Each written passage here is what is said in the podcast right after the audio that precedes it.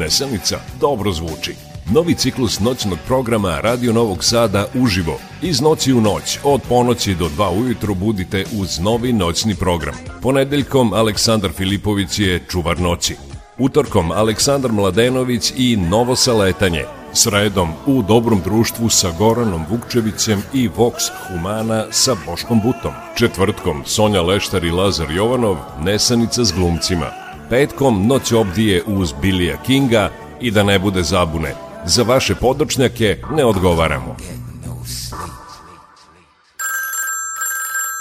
Halo, dobro noć. Ko vam treba? Čuvar noć Sve mi je jasno. Samo za vas. Čuvar noći. u noći kada nedelja postaje ponedeljak, uvek u interesantnom društvu, uz zanimljive informacije, s naglaskom na njemu svojstvenu muziku. Čuvar noći. Vaš Aleksandar Saša Filipović. Čuvar noći. Čuvar noći. Dobra vam noć, prijatelji. Dobra vam noć. Dobro mi došli u jednu specijalnu emisiju Čuvar noć. I ovde ćemo večeras imati zaista, zaista zanimljive goste. Malo soula, funkija, na domaći način. Prvi gost nam je Filip Bulatović. Da li se sećate ko je Filip Bulatović?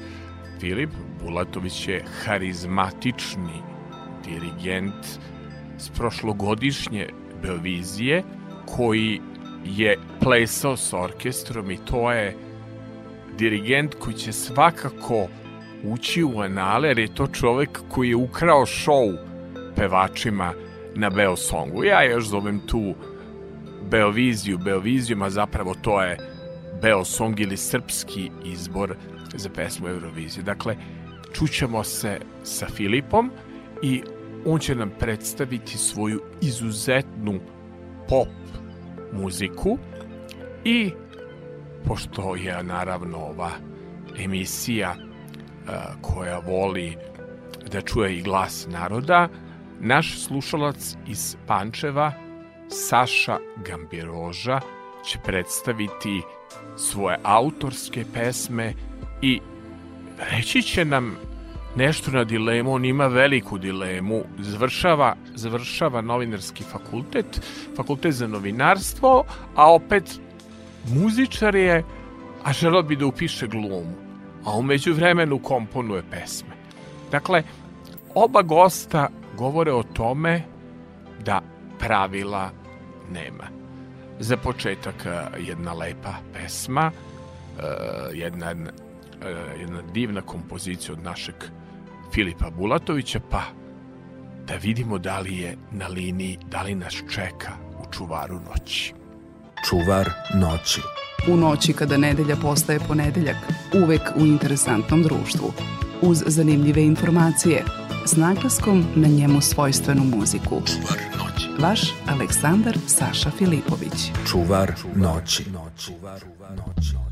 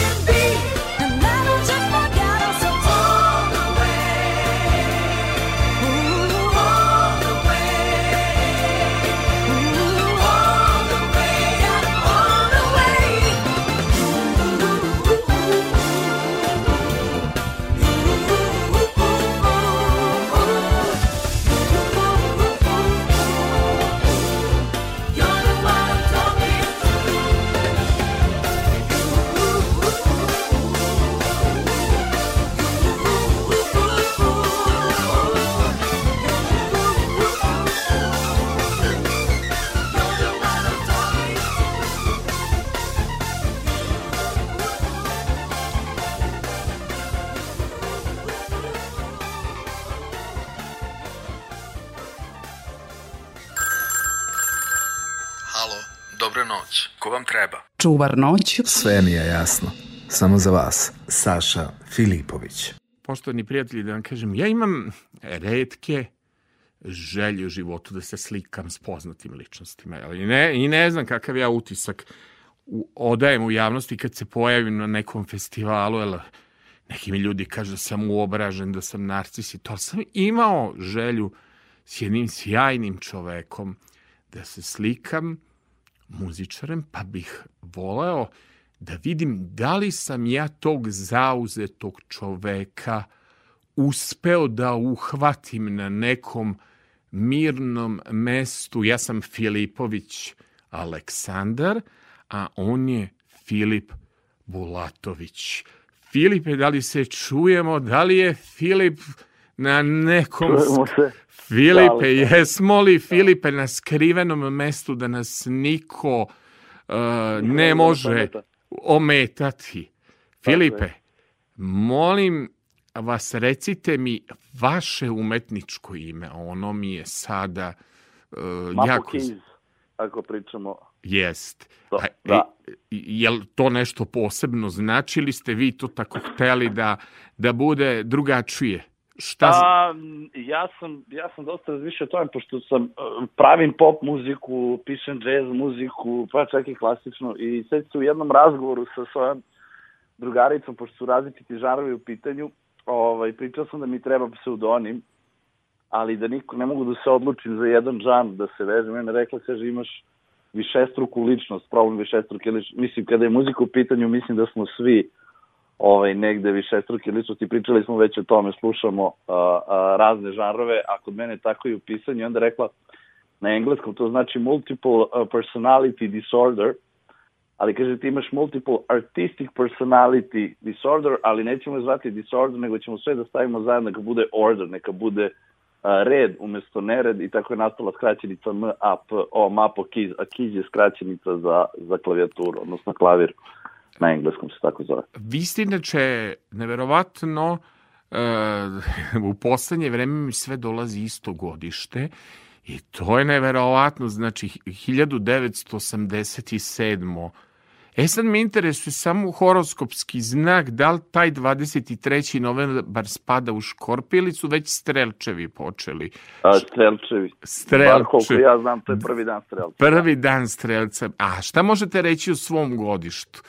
Ba, baš smo pominjali u jednoj od emisija kako je Đole Balašević rekao ne ponovila se ta 1987. godina.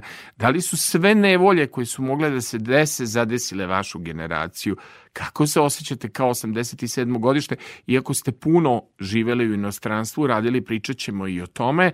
Ovaj, kako se osjećate godina koja vam je sudbinski zapala rođenja 1987. Da, pa ja sam više neko ko, ko veruje da se u životu sve dešava s razlogom i iskreno ništa ne bi menjao povodom uh, svog godišta i, i pa čak i možda tih nekih negativnih iskustva koje, da kažemo, jel te smo imali um, uh, rat koji je definitivno u- ovaj, uticaj na nas koji se dešavao na, u staroj Jugoslaviji, a i naravno bombardovanje i tako dalje. Ja sam bio u Beogradu. Sve su to iskustva koje čine čoveka na kraju uh, kao umetnika, a sve to ostavi neki pečat. Uh, ne znam, ja se ne, ne bih, ne bih se žalio Da. nešto. Jedan od mojih heroja, no, odnosno Dobro. velikih heroja, uh, Novak Đoković je rođen 87. godine, tako da eto i mi neki... Pa dobro, ali, ali zanimljivo, vi, vi, vi koji ste to godište ste jako veseli ljudi. Ajde da definišem da ja obožavam kad, kad, kad Noleta vidim, svi ti njegovi e, dočeci, svaki njegov povratak je uvek obojen nekom jako dobrom atmosferom. E, Novak je čovek koji će otpevati kad mi dođeš ti s klapom Olivera Dragovića i isto tako skakaće uz gaće tap 011 i pevati Miroslava Ilića. I to je jedna pozitiva tog vašeg godišta koji se meni sviđa. Naravno, ja moram da kažem, čovek koji je ukrao šou kad je bio potpuri ovih uh, italijanskih pesama, vi ste zapravo čovek koji je bio čudo, jel? Kao što je konstrakta pokazala da mi možemo i apsolutno se slažem sa tim izborom, mislim da je nismo ni dočekali ni priznali u kakvu je tešku bitku otišla i kakvu je poziciju ostvarila za Srbiju u jednom jako lošem političkom trenutku, ali mislim da je ona bila totalna revolucija. Ja moram da kažem isto to, vaše igranje i dirigovanje e, orkestrom i način kako ste uživali uz italijanske e, kompozicije pokazuje jedan jako veseo i jako e, divan duh i onda sretnem tog čoveka na Beogradskom proleću, hoću da se slikam i tako mi delo je čovek drugačiji, mirniji to. Da li se to samo dešava na sceni da igrate kad vas krene muzika, takvi ste i u spotovima, puni energije, puni pozitive, ali ste i mirni kad ste iza scene. Ja se na sceni samo dešava taj igre i taj temperament? Um, pa da, na sceni i ne neophodno na sceni kad ja nastupam, nego već kad god je dobra muzika, ako sam negde u izlasku, pa iskreno i kod kuće a kad me pogodi muzika, to je ne, neki prirodni a, tok a, svet okolnosti da jednostavno krenem da se pomeram, odnosno da, da igram uz, uz muziku koja mi se dopada. Ja često idem da slušam ovaj, idem u diskoteke da baš da bih džuska s tim. Ne, ne, kod navrat. vas je neverovatno, ali ja i dalje smatram, ako mene pitate, um, mene, meni su radili neki detoks u Vrnjačkoj banji. Ja sam pitao, pošto meni joga jako dosadna i meditacija, da li ja mogu da džuskam? Uz neki disk, uz neki funky, uz neki soul, da li ja mogu da se da džuskam, a da ne, ne budem u onoj yoga pozi, pošto je to meni jako dosadno da jogiram i da meditiram, ja volim da džuskam. To je meni izbacivanje neke negativne energije. A vama? Pa, pa ja radim jedno i drugo, bit će iskren. Ove, I meditirate? Ovaj, tako je. Tako. O, dobro, ove, dobro. Čak sam, čak sam jednom ovaj, otišao na Vipassana meditaciju, to je, uh, u, u, dok sam živo u Njujorku, u Bostonu, to je, um, a, zove se retreat, odnosno ne znam kako bi to pravo na srpski, a, kao pripreme meditacije, 10 dana sam proveo u jednom rezortu gde sam, a, med, gde, gde sam meditira po 8 sati dnevno gde se ne go, razgovara. Znači, ostavi se telefon prvog dana, i deset dana se ne komunicira s ljudima, tako da imam i ta neka iskustva iza sebe, onda s druge strane a, a, a, i, i džuskam. I džuskate, uvek ste veseli, uvek ste raspoloženi. Da. Dobro, Filipe. E, Filipe, sada nešto što je bila radost u pripremanju moje emisije, bila je zapravo playlista koju ste vi meni pripremili. Ići ćemo malo nešto vašeg muzičkog izbora, ići ćemo nešto i da predstavimo vaše autorske kompozicije koje su po meni sjajne, koji su na tragu najboljeg onog što je stvorio region, ja volim tu reč jer smatram eto kad govorimo Hvala. tim jezikom i da je Dino Dvornik naš i da su Oliver Mandić i Zdenka Kovačiček, Srđan Jul, Zdravko Čolić, sve što ste da kažem izaveli. Međutim, ja sad moram da kažem, sad idemo kod jednog jako intrigantnog pevača, ja moram da kažem da sam se ja šokirao i sad sam pokušavao da objasnim ljudima kako on izgleda. Kako Arijan izgleda? to je kovrđava kosa, to to je kao oni glumci 70. godine iz američkih filmova. Ka, mislim, kako se izgledalo u 70. godinama. I uopšte kako ste vi, Filipe, došli do to. Ja, za mene kažu Filipović, to vam je e, hodajuća enciklopedija. Taj sve znao šlageristicu, taj sve znao pop. Međutim, ja sam bio, da vam kažem, kao čarobnjak, kao Petar Pan, u čudu, kao Tom Sawyer, ko je ovo, ko ovaj čovek, šta je ovo? I moram da kažem da sam se oduševio. Kako ste vi došli do Arijena? A, pa upravo isto drugarica koja mi je dala pseudonim, odnosno moja prijateljica iz Njurka, koja je pritom iz Novog Sada mi je pustila a, njegovu numeru jednom slučajno i onda sam, ovaj, ja sam isto bio potpuno oduševljen, nisam, video sam taj cover, njegovu tu coverđovu kosu, čovjek izgleda bukvalno kao da je a, mislim, on je živio u toj eri, ali tad baš je, baš predstavlja disco muziku, funk muziku. Apsolutno ovaj, izgleda kao slikom. Bobby da. iz Bonije, mislim, čak tako, je, tako, tako, jel me razumete?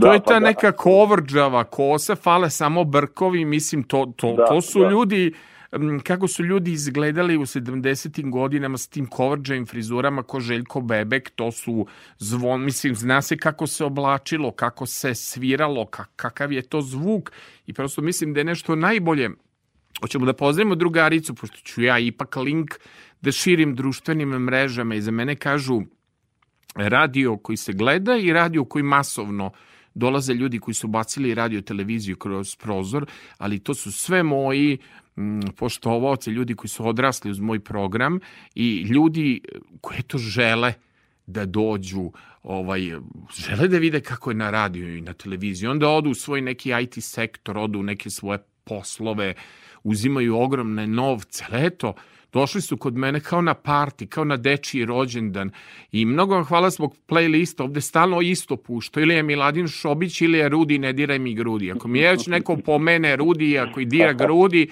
ja ću da poludim. Ili eventualno ako pomene onog Rudija Baby Doll.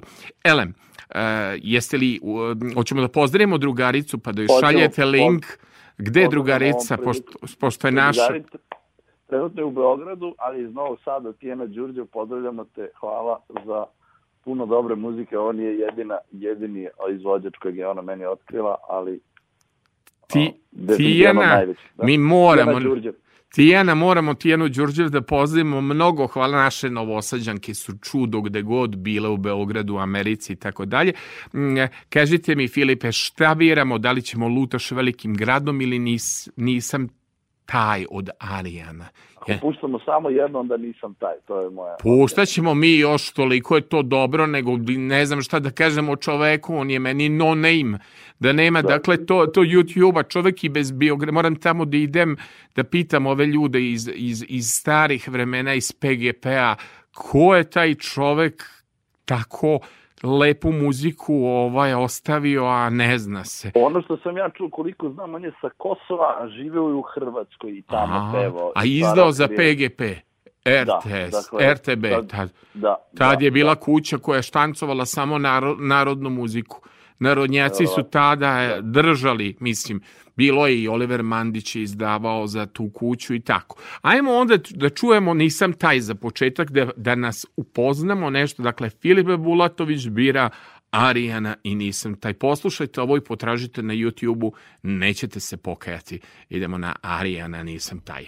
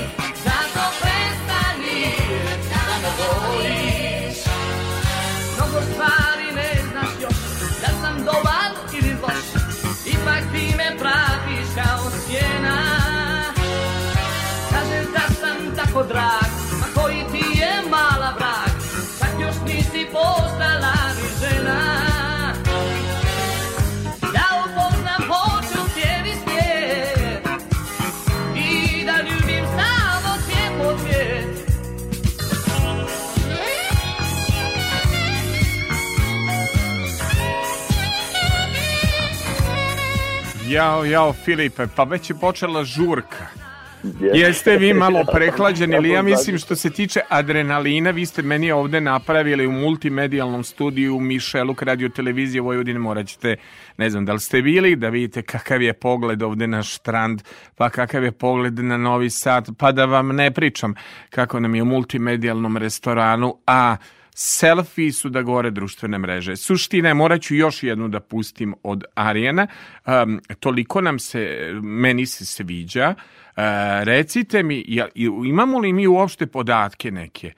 o tom izvođaču. Ja, iskreno, ovo, ovo što sam rekao, to je sve što znam. A, a, ali znate šta, šta je meni to? To, to je, za, na primjer, nešto što je posle svirala i grupa Kim ili svirala Zdenka Kovačiček, govorim za te 70. godine, 80.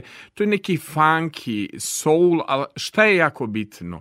Nije se to išlo što džezeri nekad rade preterano uh, u neke improvizacije, neka davljenja. Ja bih rekao pop muzika mora da bude jednostavna i to mi se sviđa isto u vašem radu. Dakle, pop muzika mora da ima refren, strofu, dobar aranžman i da ima to početak i kraj. Ne može to da ide u neko umetničaranje, jer se slažete sa mnom. E, svirali ste i na festivalima i ar aranžirali, e, radili s velikim orkestrom. Se slažete sa mnom da pop muzika mora da bude jednostavna? Apsolutno, ja čak, um, čak možda ne znam da li smem da koristim reč univerzalna, ali mislim da je to najveće uh, dostignuće nekog kompozitora da stvori nešto što je inovativno, a samim tim istovremeno univerzalno. Da ljudi kad čuju jednu melodiju, što se kaže hook, uh, da se zakače na to, da odmah mogu da je otpevaju i da je ponove. A, ja bar tako doživljam mm. muziku, da, da neko ko, ko uopšte nije iz muzičkog sveta, da sve što napišem, neko ko nema nikakvog dodira sa muzikom može da otpeva to što sam ja. A, mislim, s obzirom što znam vaš nastup, kako ste vi dirigovali italijanske tako hitove, hitovi sa San Rema su jednost, jednostavni. Ajde da dođemo i do Beogradskog proleća. Sve pesme koje komponovo Aca Korać, na primjer, a aranžirao Zvonimir Skerl, po meni su jednostavni. E, Nada Knežević ima e, dobre aranžmane, ali jednostavnost, ta šlagerska forma, ako tako moramo da kažemo. I to je najgora stvar koja ljudi kada šalju na festival, ako šalješ pesmu koja će nas u žiriju da smori, i nema većeg smora od dosadnog festivala zabavne muzike. Mora da postoji ta caka jedna u kompoziciji, u izgledu, u tekstu, da bude to pamtljivo. Se slažete sa mnom? Ja bar tako vas doživljam kao autora, da se trudite i kroz spot i kroz kompoziciju, da to bude u profilu pop muzike, da to bude pop pesma, ne sad da mi dokazujemo koliko imamo znanja muzičkog.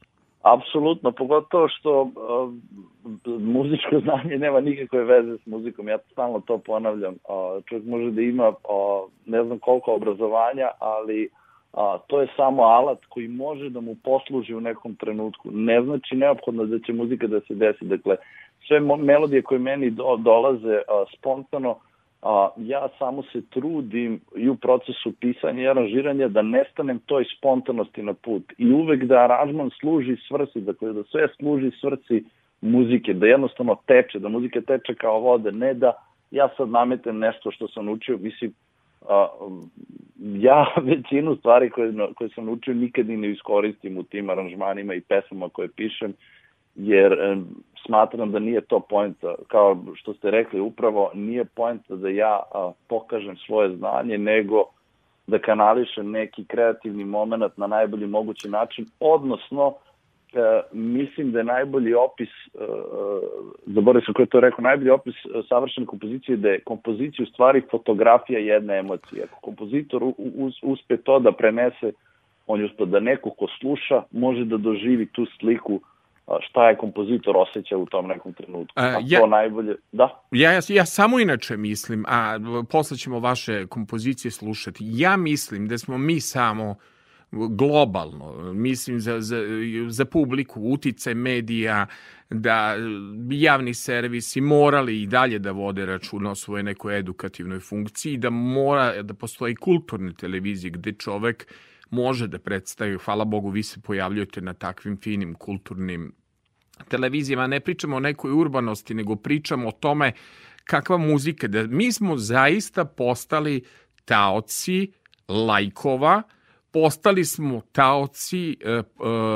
nečega što se zove muzika, a nije prošlo pored muzike, e, da, da, da, da smo postali taoci nekih pregleda, da smo postali nekih ličnosti. Ja prosto ne mogu da define, ne da sam ja sad mator i retro, nego ja ovo što, što se emituje. Ne mogu da podvedem pod muziku, a možda ima i 20 miliona pregleda. Pregledi se lako kupe, ako možemo tako da govorimo.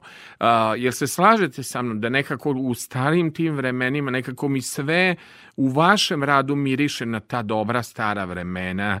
Nije mi ovo što danas slušam, niti imaš tekst, niti imaš muziku, e, sve to nešto nabuđeno, sve nešto tekstovi, ni duše, ni emocija. Jel se slažete sa mnom? Pa, znate kako, u jednoj meri se slažem, um, to je sve produkt današnjeg vremena, um, nažalost, prate se trendovi, uh, jure, kao što ste rekli, pregledi, uh, što najgore, algoritmi, uh, čak, čak nekada ljudi prate kako da a pogode ono što algoritam traži. Dakle, to definitivno beži od bilo kakve kreativnosti i onoga o čemu smo malo pre pričali da čovjek prenese neku emociju. Uh, E sad, um, šta raditi podom toga, ja ne znam. Moje je da pravim muziku najbolje što mogu uh, i upravo kao što ste rekli, pravim je kao što se nekad pravilo. Ono što je bila razlika pre 40 godina i sada je što nije svako mogao da pravi muziku. Danas su kompjuteri to omogućili, a nekada, evo, Arijan, ovo koji smo slušali i ovakav aranžman, uh, ceo taj bend i, i cela ta ekipa, to je snima koji je snimljen u jednom tejku, kako mi kažemo muzičari, u jednom dahu. Dakle, a svi ljudi su svirali zajedno u jednoj prostoriji i morali su dobro da se spreme da u jednom, u jednom terminu, odnosno u je, od jednom snime pesmu od početka do kraja.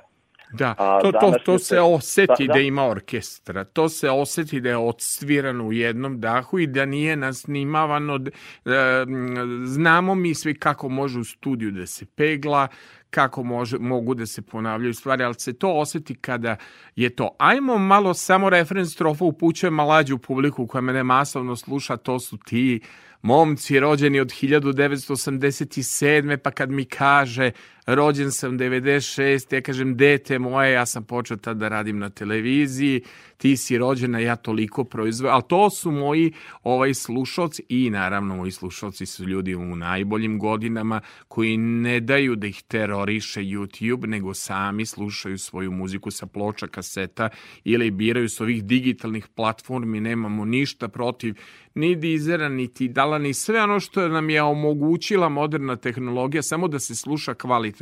Arijana, nažalost, nema, ali poslušajmo referens strofu lutaš velikim gradom da bih pitao Filipa gde je on sad, gde je lutao po svetskim gradovima. Pogledajte ovaj ritam, ovo već mene, meni vuče na New York, na neku dobru američku seriju iz mog vremena.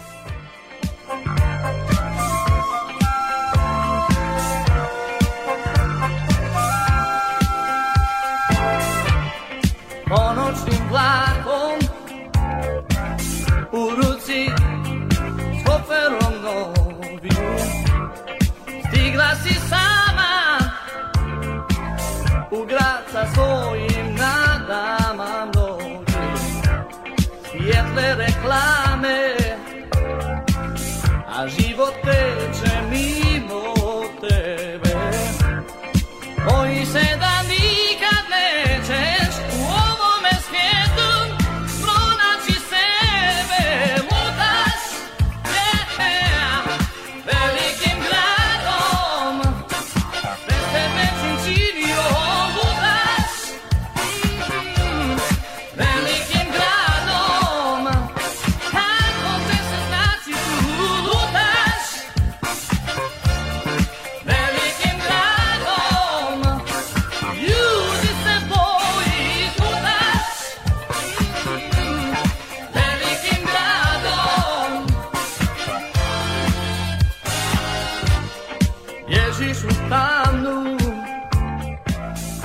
Evo, evo, šta je zaintrigirati. Odmah su mi rekli, nemoj Fi, Filipoviću, to mi je rekla Zorana Pavić, pa, pa i Nejda mi je rekla, ne, mnogi, ova, mnoge poznate ličnosti su mi rekli, nemoj, molim te, samo kad smo u radiju, slušamo muziku, slušaš neke dosadne pesme, neke njonjere. To jednostavno kad su gužve, kad je, mo, mora da bude dinamično. Ja samo molim Filipe da ponite, pošto je naš sagovornik Filip Bulatović, pijanista, kompozitor, dirigent, opisat ćemo sve da ponovite ko je ovaj čovek, sad ovako iz ekipe mi kažu nismo propratili, a zainteresovali su s kog perioda je ovaj Arijan, dakle, koja godina, da li bar znate? To je kraj 70-ih, je li tako?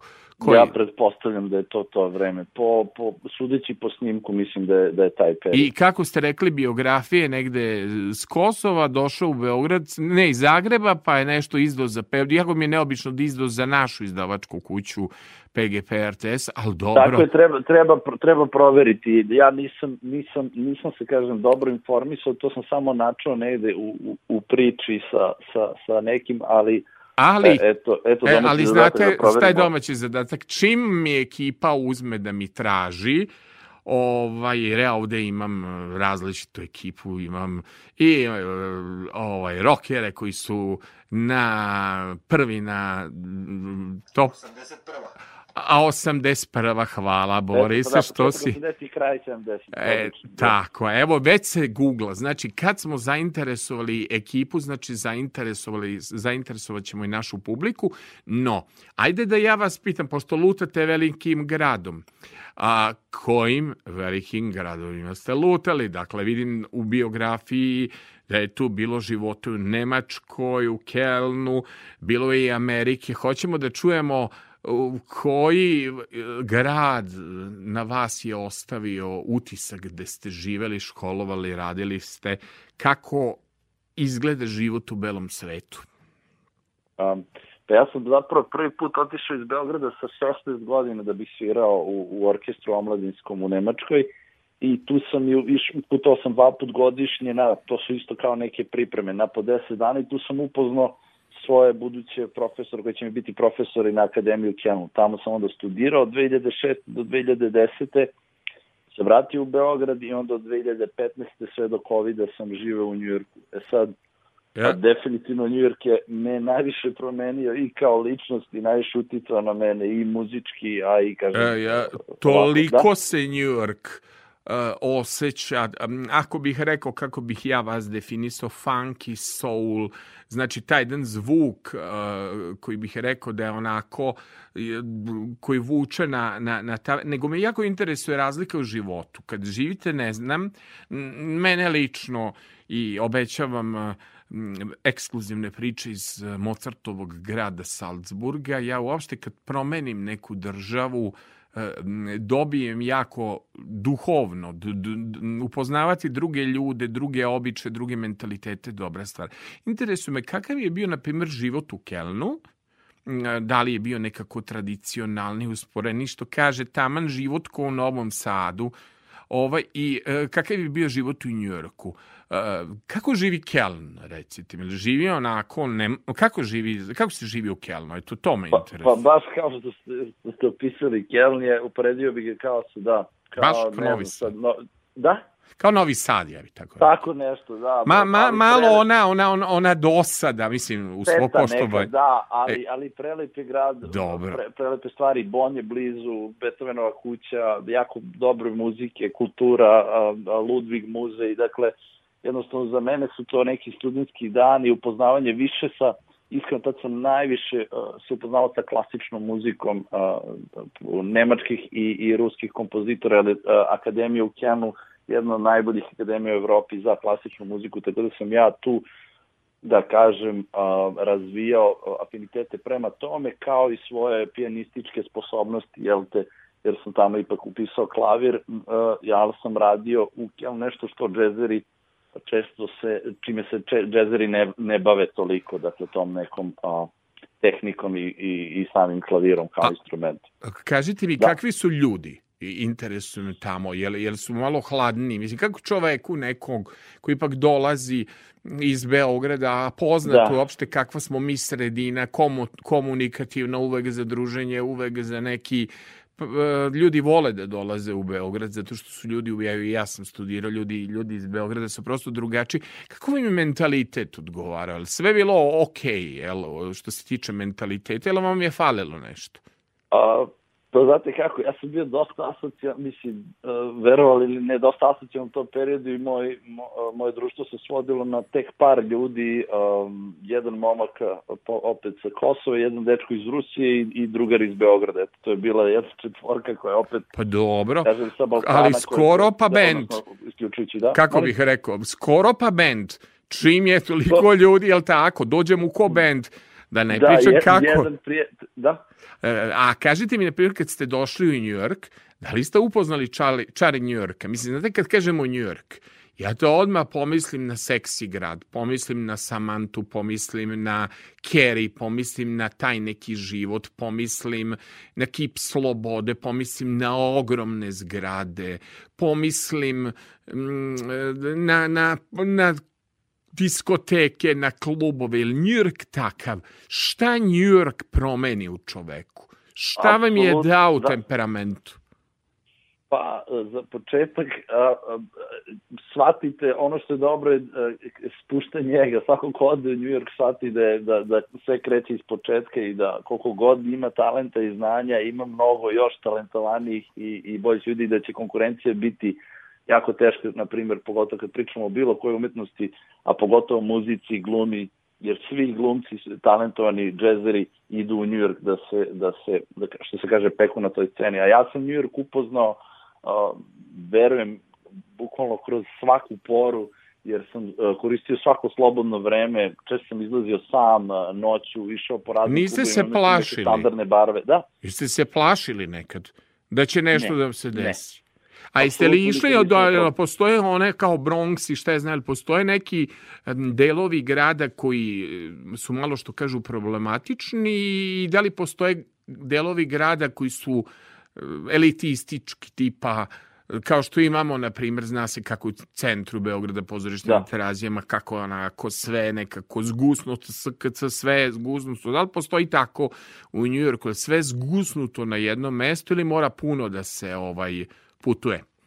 Pa da, iskreno, e, zgusnuto je sve. Ja sam živio na Manhattanu i većina mog boravka i tih uh, dešavanja su bile na Manhattanu. Nešto toga je bilo u Brooklynu, ali to su, kako mi volimo da zovemo, hipsterski krajevi, gde su mladi ljudi, uh, gde, gde su opet umetnici. Dakle, nisam zalazio u, pro, u Bronx i neke, ako možemo da ih nazovemo, problemat, Tičnije, da, da. problematične krajeve. To su ipak neka stara vremena. Manhattan i Harlem koji je nekada bio opasan je sada možda i, i najskuplji deo na Manhattanu za, za iznajmljivanje nekretnine i tako dalje. Kako ste se transportovali u Njujorku? Da li ste išli taksijem?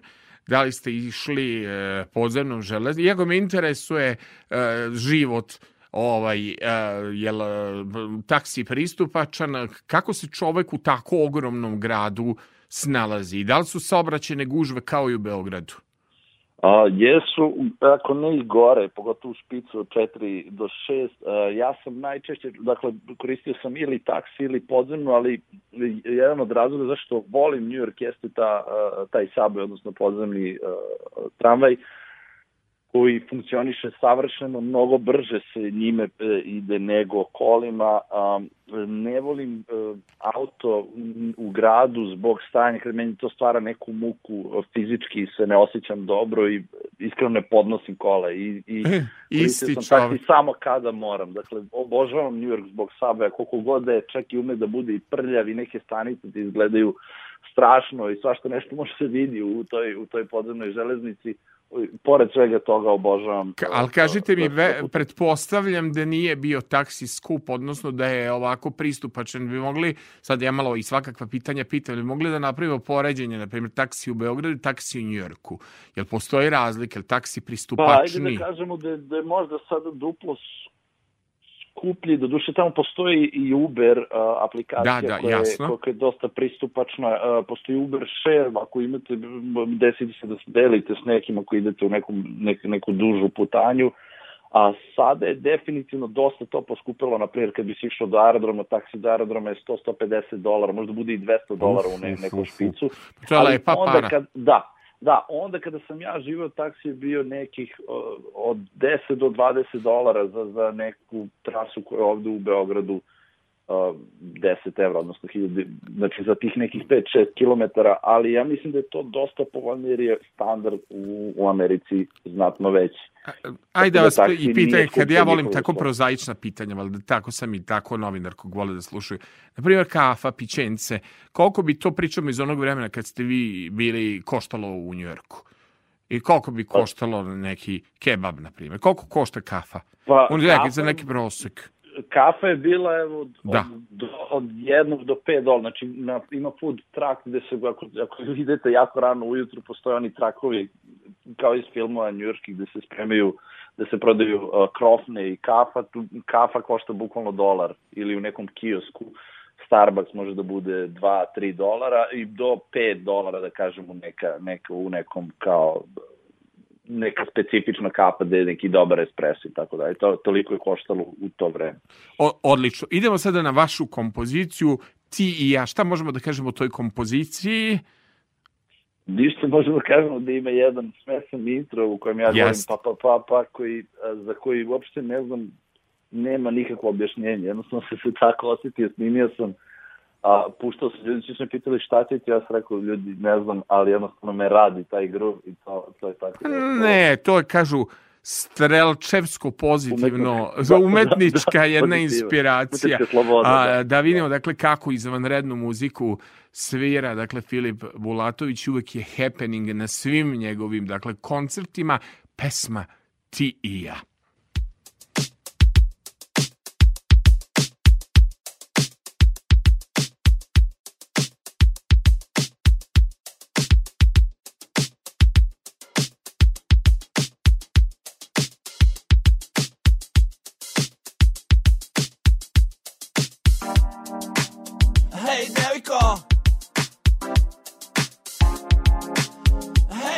Hej,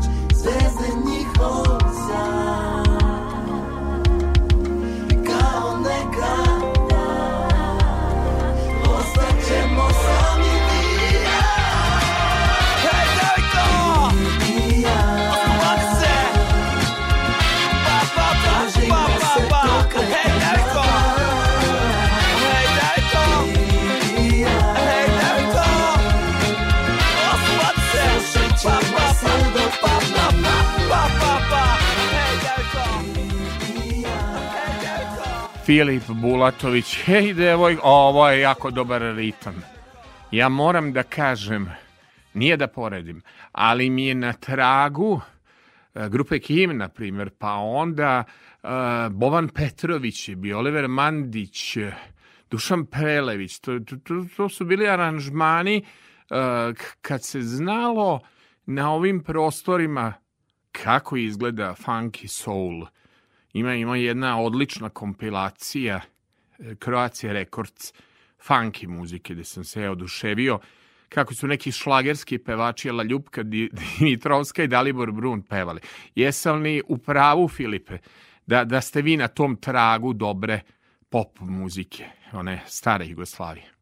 svi su to sve su to utice koji su, su, su mislim muzika koju sam ja slušao koja je imala utice na mene a, želeo bih da napomenem da sam ja sve čak svu svoju produkciju radim sa, sa inostranim producentom Jafankom koji isto pravi disco funky muziku, on je čak house producent A, tako da stvarno se trudim da svaki put kad radim koristim najbolje u, u celom procesu i što se tiče snimanja, vokala, produkcije, pa eto i na kraju postprodukcije a, sarađujem sa a, muzičarima iz inostranstva kako bi dobio najbolje moguće rezultate. Dakle, ne, ne pos, posvećujem se i kompoziciji, ali isto tako i snimanju da snimak bude što bolje na kraju.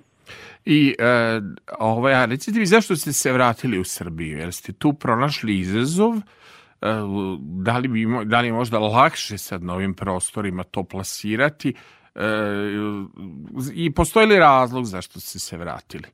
Da, pa iskreno teže je plasirati ovu muziku na ovim prostorima. Ja. ja. sam se, da, ja sam se vratio samo iz razloga zbog COVID-a, kada je, kada je COVID krenuo u Njurku, to je izgledalo pre strašno, izgledalo kao grad duhova, stao je grad i to je bio neki bazični želja za, za, da kažem, porodicom samo da dođe, jer nije se znalo kada će da se Eh. zatvori, na koje vreme a, a, a, a, a, aviotransport da se ja iskoristio priliku i uhvatio posljednji avion da se vratim za Srbiju onda sam tako i ostao, jednostavno nisam se više vraćao za New York, ali mislim da se sve dešava s razlogom. Delovalo je sablasno. Ja moram da kažem slike Njujorka, evo ja kako sam doživljavao Njujork i Ameriku, delovalo mi je kao apokalipsa e, sada, a, n- da ne govorim o Trumpovom ponašanju koje je jednom momentu totalno izmaklo kontroli, da je morao biti skinuti sa društvenih mreža. Meni se činilo da je kao u onom jednom domaćem filmu, bit će skoro propa sveta, nek propadne, nije šteta. Meni se de, činilo u tom nekom jel, koronarnom periodu kao u, u Americi apokalipsa sad. I mislim Pa da je bio jedan prirodan, prirodna jedna e, životna potreba da se ipak vratite u neku što kaže maticu i neku sigurnost e, ličnu. Ja, ja tako osjećam prosto, jer su meni one slike koje su dolazile preko medije iz Amerike bile stravične. Jeste, i baš, baš tako kao što ste rekli, meni je bila bazična potreba da vidim, da budem s porodicom, da budem s prijateljima, a, a Amerika je baš delovala sablasno, pogotovo mislim da prevashodno jer se njihovi ljudi nisu navikli ni na krize, nisu se susretali sa tako nekim u bliskoj nekoj istoriji za razliku od naših ljudi koji su preživeli i ratove i sankcije i slično. I definitivno taj period korone ja sam pričao sa svojim prijateljima kada sam došao ovde, bio sam čak i u karantinu, sve to je mnogo lakše i mnogo bolje ovde izgledalo nego kako su oni to tamo pre, preživljavali i proživljavali. Dakle, um, ipak sam, ipak sam ovde imao kontakt sa prijateljima, kakav takav, čuli smo se, e, imali smo neka manja okupljanja na koliko je to bilo dozvoljeno, a, za razliku od Njurka gde je sve bilo zatvoreno i ovo po- podzemna železnica u nekom trenutku, dakle, a, m, znam za neke ljude koji nisu izlazili iz kuće po ne, mesecima, tako da, a, meni je drago što sam se vratio mislim da je to, da je to prava, prava odluka. I šta se deša, pošto ja znam, a, dovoljno je bilo, ne znam, da budem u žiriju Beogradskog proleća i da me gleda pola Srbije. I Ja govorim samo o tome koliko ovde postoji naroda koji ne može da ostvari svoju kulturološku potrebu da gleda festival zabavne muzike. Da ne pričam, znači, o nekim festivalima gde sam se pojavljivao, užirirao, učestvovao. Da, znači, Filipe, da vi znate broj poruka koji ja dobijem kad se pojavim na nekom programu gde, koji svi ljudi, da kažem, gledaju, ja onda shvatim koliko mi zapravo u Srbiji imamo normalnih ljudi, ja bih rekao 50%, koji ne mogu kroz medije da ostvaruju svoje neko pravo da gledaju nešto što je normalno. Ko, ili čemu zapravo služi jel, e, televizija ili javni servisi, nego da naše gledaoce, slušaoce, da podržimo u njihove želje da gledaju nešto normalno. Ja najviše poruka dobijam kad se pojavim na nekim manifestacijama tog tipa. Prosto mislim da su ljudi željni i dobrog show programa i da su željni kvalitetne muzike i da ovo što im se nameće kroz pojedine komercijalne kanale nije sve, dakle nije Srbija cela cajkaroška i narodnjačka. To ja moram da kažem. Mi imamo zaista jako lepu tradiciju narodne muzike, ali ne znam, i na pločama Halida Bešlića su svirali najbolji džez muzičari. Miša Marković, Stjepko Guta, ako me razumete, onda se znalo i u narodnoj muzici, ako se zoveš Halid Bešlić, sviraće ti je najbolji i pevaćeš kao Tom Jones. Ja mislim da, da nama fali jedna kulturološka potreba da mi imamo muziku koju i vi svirate, prezentujete i koja se dešava. Se slažete sa mnom? Apsolutno. Um, iskreno, šta je rešenje, nažalost, ja, ja stvarno ne znam. Ne znam ni kako smo došli do ovde, um, da, da je odmaklo uh, kontroli, da je jednostavno kultura stvarno u jednoj, u jednoj krizi. Um, sad, koju ulogu tu igra javni servis, kako to uraditi, ja, ja moram da budem iskren da, da ja ni ne činim mnogo, u, u tom smislu jer uopšte ne gledam televiziju, tako da um, ja ne znam iskreno šta se dešava. Ja sam to Ja, reći ja, ja rekao, ja sam već bio u neinformiran. strahu da vi mene ne poznajete. Ko, ja sam došao da se slikam, pošto ste gledao prosto sa... ste imali, da, ovaj, ne, ja sam čovek iz starog vremena, što bi mi rekla jedna uh, konobarica u Jablanici kad sam jeo ćevapi. Ja sam bacila televizor odavno kroz prozor, ali tebe znam, ti si čovek iz starih vremena televizije. Te lice kao sav normalan. To je jedan od komplimenata da, da me prosto znaju ljudi od, od, od Splita, cela Jugoslavije, do Maribora, do, do, do, do Skoplja, i, i, ali zato što sam čovjek koji, ko, koji je radio u nekim tim vremenima kad se televizija gledala. Sad je mnogo kanala, mnogo ponude, čovjek ne može ni da izlista, pa onda su kablovski operateri ovakvi, onakvi. Srećom ja vas vidim i na K1, da ste rado viđen gost, vidim vas i na novoj televiziji, vidim vas na svim lepim, pristojnim, umivenim programima koje ja volim da gledam i, i, i radost je to, nego e, šta se dešava čoveku pošto ste upali, eto ja na primjer sam imao tih minut kad sam žirirao na primjer na Beoviziji imao sam svojih 30 sekundi na, na Beogradskom proleću. To je, to je, na primjer, dobio sam 40 poruka u Messenger. Šta se dešava čoveku kad u jednom trenutku, zahvaljujući svom poslu, ukrade šou i postane u jednom danu prvo što je bila ružna stvar što se Lukas gurao s Bajagom. Znači to su po meni e, civilizacijski neprihvatljive stvari. Pa onda i samo glasanje, samo ko je kako glasao, šta se desilo. Jed, dva fenomena su bila konstraktina pobeda koja je govorila da Srbija može da ide u nekom drugom pravcu i vaš show. A po prirodi ste mi nekako skroman čovek, tako sam vas doživeo uh, kad sam vas video u MTS dvorani. Šta se dešava čoveku kad odjednom svi portali pišu o njemu ovaj, i kad vam svi aplaudiraju. To je redko nekad u Srbiji doživeti konsenzus. Jeste, to je, to je počelo iz- prvog minuta kad sam ja sišao sa bine, ovaj, počeli su fotografi da me slikaju, da, da ljudi da me pitaju ko je ovaj čovek, šta se desilo, da je to trebalo da se desi, zašto tako, da li sam ja navežbao tu tačku ili ovaj, eto, na kraju, s- ja sam naravno odgovorio da je to sve a, bilo spontano, narednih par, nekoliko, odnosno nekoliko nedelja je trajao taj talas gde, gde su mene zvali mediji da me e, intervjuišu. A, ne znam, mislim da je to jednostavno, da je, mislim da je ono što se desilo e, nešto što je blisko svima nama, da svi smo mi negde bazično a, bliski muzici i, i igranju i da ne znam iz kog razloga ljudi sebe sprečavaju u tome i mislim da im je to bilo interesantno u mom nastupu da su pronašli sebe, a da možda nemaju hrabrosti, da to i onda kad, da, da, kad su videli da neko potpuno slobodno skače bez, ja nisam igrač, ja ne znam da i, mislim, igram kako me ritam nosi, mislim da su ljudi prepoznali tu neku hrabrost i možda ohrabrili sebe a, da, da naprave nešto slično. Eto, možda je to neka lepa energija koja se desila. Je li bilo neprijatno što sam tražio da se slikam sa vama? To je bila Apsolutno, želja iz ne, moje ne, porodice i prosto je bilo jedno od uš... znači sve neke generacije su rekli ti moraš ovog čoveka da ugostiš, on je prosto jedna dobra poz... I onda kad sam došao pored vas slike, imao sam osjećaj malo da je neprijatno. E, dobro, ja sam s Betikom jako dobar, Đorđević, i to nije pevačica, nego me je jedna druga pevačica a pošto je nisam zvao, a ima neki tako nadrndani e, stav prema životu, nije ni Lisaca, dobra pevačica, ona je za mene rekla da sam narcis. Ovo je sad psihoterapija kao da smo u Americi. Da li ja vama delujem kao narcis kad sam tražio da se slikamo? Za društvene Ne, mreže? apsolutno ne. Ne, meni je bilo zadovoljstvo što sam ja toliko bio Pred- pred nekom od svega tremom, toga, pa znam. Da se, da. Ne, ne, ne, ja znam kakva je bila- Javna ličnost, ja nisam javna ličnost. u tom Ne. bilo slučaj. Vi da. ste meni doneli e, tri puta veći broj lajkova nego u proseku. Znači, očigledno javne ličnosti koje se ja slikam su već malo ono, sko, preskočili ste i Brenu i Nedu. Čestitam.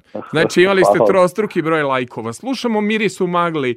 Filip Vulatović, harizmatičan, sjajan muzičar, veliko zadovoljstvo što smo uspeli da ga uhvatimo. Kažu meni koleginice, nećeš uspeti da ga uhvatiš, to taj ima košarkaške noge, ide kao maratonac, nema šanse, rekao, ako me bar jednom gledao na televiziji, dobit ću ovaj intervju, ako sam jurio e, Brenu 18 godina, ako sam jurio Arsena Dedića 15 no- godina, ako sam čekao Josipu Lisazima i Filipa Bulatovića, boga mi nije bilo 15 godina, evo, godinu dana skoro od kako smo se sreli, tako da veliko mi je zadovoljstvo. Miris u magli, slušajte Takođe, njegovu hvala. muziku i nadam se da ćemo uživati u Novom Sadu, da slušamo njegovu muziku. Dakle, Filip Bulatović, Miris u magli, pa planovi za budućnost.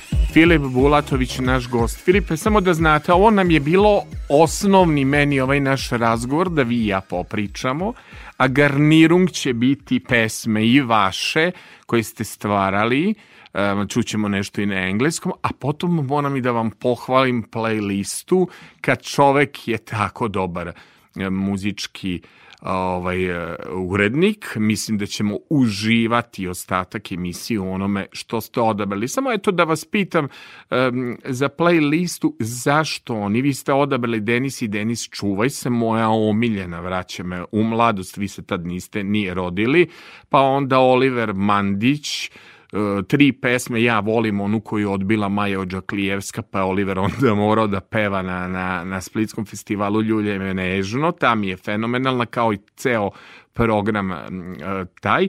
Dino Dvornik, fantastična pesma koja se zove Nadahnuće, gledao sam reality program Dvornikovi, jedna tužna, tužna priča koja može objasniti zašto odlaze naši umetnici, jer nekad su nesvaćeni. Naravno, Zdenka Kovačiček i grupa Kim, a jel tako ste čuli Filipe da ima i ona obrada, da su i mlađe generacije, Nipple people, naravno. jel da. tako?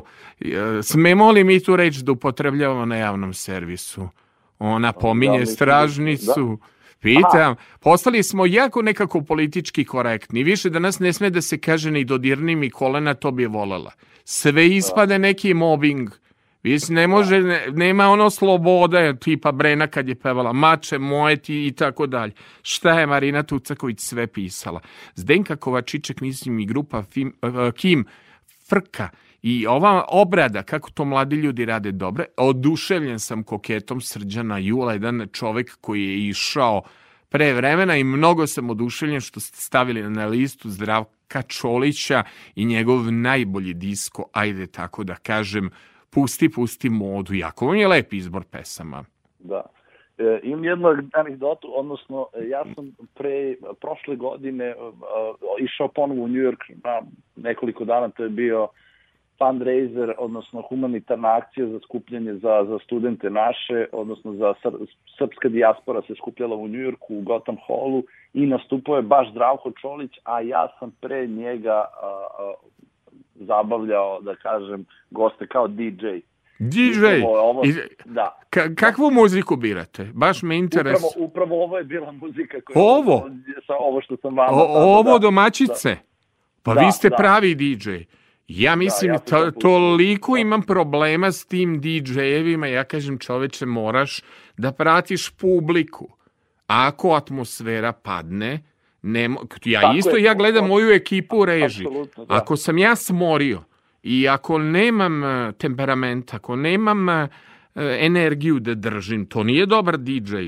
Dobar DJ mora da ga šara. Šara DJ, i... da, DJ, upravo naj, najbolje ste to objasnili. Posao DJ je da sluša publiku. Dakle, ja sam upravo to i radio, posmatrao publiku.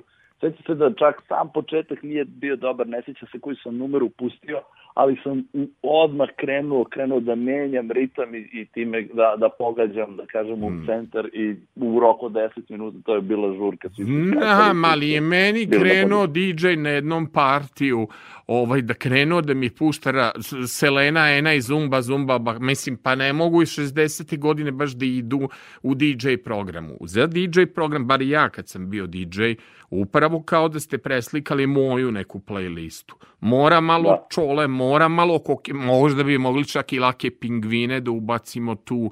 Ima tu još, kako bih rekao, ima, ima tu, ima tu svašta stvari, bi da. moglo da se ubaci, svašta bi moglo da se podvede pod isko. I naravno da vas pitam, Filipe, mi ovde u Novom Sadu, kao što znate, e, restorana mnogo, e, mesta imamo e, da se izlazi, mesta imamo da se provodimo, da jedemo, ali nama uvek, grad smo kulture, to je tačno, ali nam fali i nekih lepih e, koncerte, lepih programa. Kakvi su vaši planovi? Imali šanse malo da nastupite i kod nas?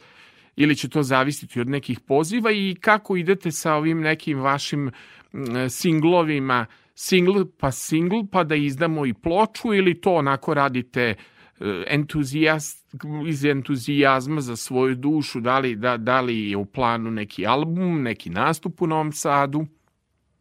Dakle, da, ideja je da snimim, pošto za sada sve ima mene publika zna samo na osnovu ove dve pesme, jer sam ja do sada snimao muziku na engleskom, jer sam i živeo u Njujorku i mislio sam da ću nastaviti da živim u Njujorku, međutim, a, kako sam došao ovde, kada sam piše muziku, eto i spontano i zapevao sam a, ideje da snimim još dve a, a, a, numere i spotove, pošto nemam sad ni jedan novi spot, a to je ono što je neophodno i mislim da već kada snimim još dve numere na srpskom, a do kraja godine i još neko ovo pričam sada do, do leta, um, da će više publike znati za, za mene i za, za moju muziku, a onda se nadam i, i nekom nastupu u Novom Sadu, verovatno E, na, na jesen. Ja mislim, samo moram da kažem da ste bili u najprestižnijim emisijama, pričam o tome s obzirom da ja pišem TV kritiku i da sam vas video zaista u probranim emisijama koje ja volim da gledam, a te emisije su infotainment, volim i da se informišem i šta je u političkom životu, ali volim i da pratim oblast filma, oblast kulture. Vrlo vas vole kolege, rado vas pozivaju i omiljeni ste. Znači, nećete što kaže morati da iznajmljujete PR-a, možete to i sami sebi da radite s obzirom koliko... E, te dok samo da vas pitam na visinu. Ja sam se šokirao, mislim, ja sam metar osam. Koliko ste vi visoki? E, Metar 95. Jeste bili nekad košarkaš? Nisam. Aj, dobro, pita, ja sam se pitao, ovaj, ovaj čovek, košarkaš, ne deluje kao dirigent. Inače, kad su vas učili u školi, šta su rekli? Ja znam kako to izgledalo kad su kalođere dirigovali, pa i oca Adamov naš, koji će biti e, gost kod mene, kako je dirigovao u muzičkom toboganu. Dirigent, zna, dirigent mora da bude pre svega komandant jedne vojske, mora da se gleda u dirigente i mora da se sluša. To pričam kako je bilo u plesnom orkestru radio televizije Novi Sad. Znao se red, kako ti dirigent pokaže imaš tako da... Da li voli orkestar strogog, autoritarnog dirigenta ili voli ovako kao što ste vi? I da li je neko rekao u nekoj školi kad se učilo da dirigent sme da bude nekonvencionalan. Mada i znamo ove druge svetske dirigente, oni malo i animiraju publiku, oni rade i posao DJ-a, je li tako? Da se uči to na, na, na, na akademiji? Da dirigent mora treba da bude nekonvencionalan. Nažalost, to se u škole nauči, ja čak ni nemam školu dirigenta, sam uvek, a, ja sam po vokaciji išao- sam na otrek za, za pijaniste, ali sam od ono što sam spomenuo, od, od svog, od 16. godine radio sam, radio sam sa nekim od najboljih dirigenata, Peter Helmutsheimer, jedan od najboljih jazz dirigenata, ovaj, slovno mogu i da kažem, u svetu. Dakle, ja sam jako mlad bio upoznat sa Big Bandom, išao sam i na probe Big Banda, radio sam, sarađio sam i sa Duškom Gojkovićem i sa Stjepkom Gutom, dakle, to su jedni od naših najboljih. Ja sam učio toga što sam video od njih i, i kako su oni vodili band, naravno i Fredi Stanisavljević.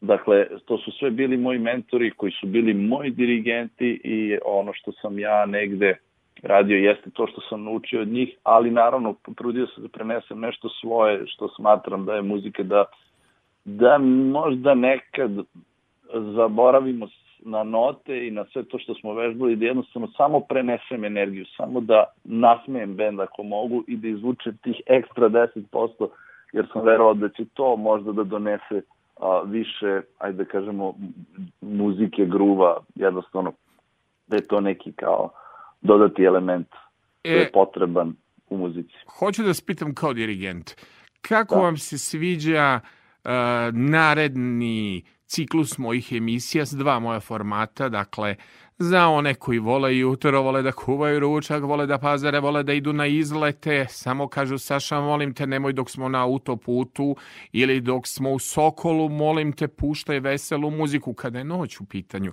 Takođe me mole, nemoj njonjare, nemoj balade, idi na disko, takvo je vreme, nećemo da spavamo, hoćemo da smo raspoloženi. Da vas, da vas pitam, kako vam se sviđa moja uređivačka politika? Najavljujem naredne gošće. Puno je ljubim i pozdravljam putem em, društvene mreže moju dragu Marinu Perazić, koja će s kojom ćemo se čuti iz rijeke da čujemo šta ima novo s grupom Denis i Denis. Šta kažete, da li mi je dobar izbor Marina Perazić i Davor Tolja? Je li mi dobar izbor gošća? Savršen izbor, čestite. Ja se čak moram da kažem da se družio sa njenom čerkom u Njujorku. Ja, Stvarno? Ona, Tako je, sa A, Lunom, a, mislim one da su jako imale jedan zanimljiv život, a ja moram da kažem da je Firči bio godine kad ste se vi rodili na jednoj e, privatnoj televiziji u Novom Sadu, kad sam ja radio, na, no, no, prvi moj urednik je bio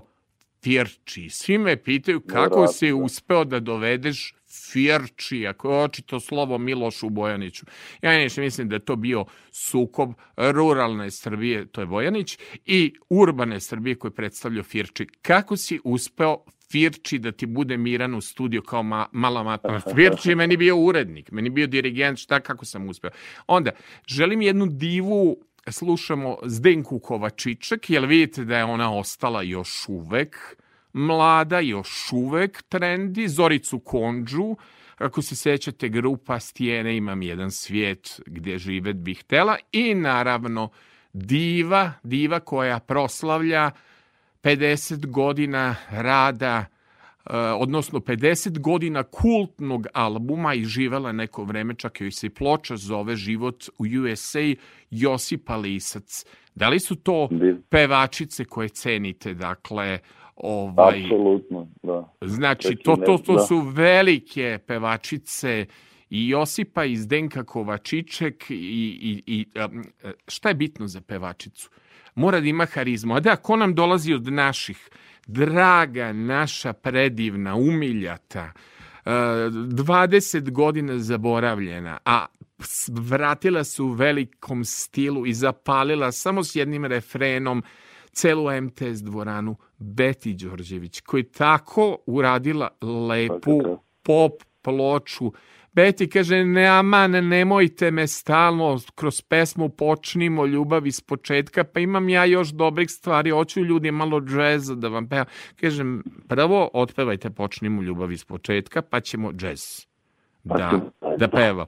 Divna Beti Đorđić, je se slažete sa mnom topla. Divno, s njom sam nastupao u, u cilju, ako se ne varam. Ja, ja mislim da to ona divna, divna, divna žena za saradnju. Ja mislim, prosto sam danas, a eto, on nabroje neke žene s kojima lako mogu da stupim u kontakt i, i, i, i volim ljude koji su laki. Bez obzira što se pevačici da pravo da bude hirovita, ja volim lake ljude za saradnju i korektne kao što ste vi.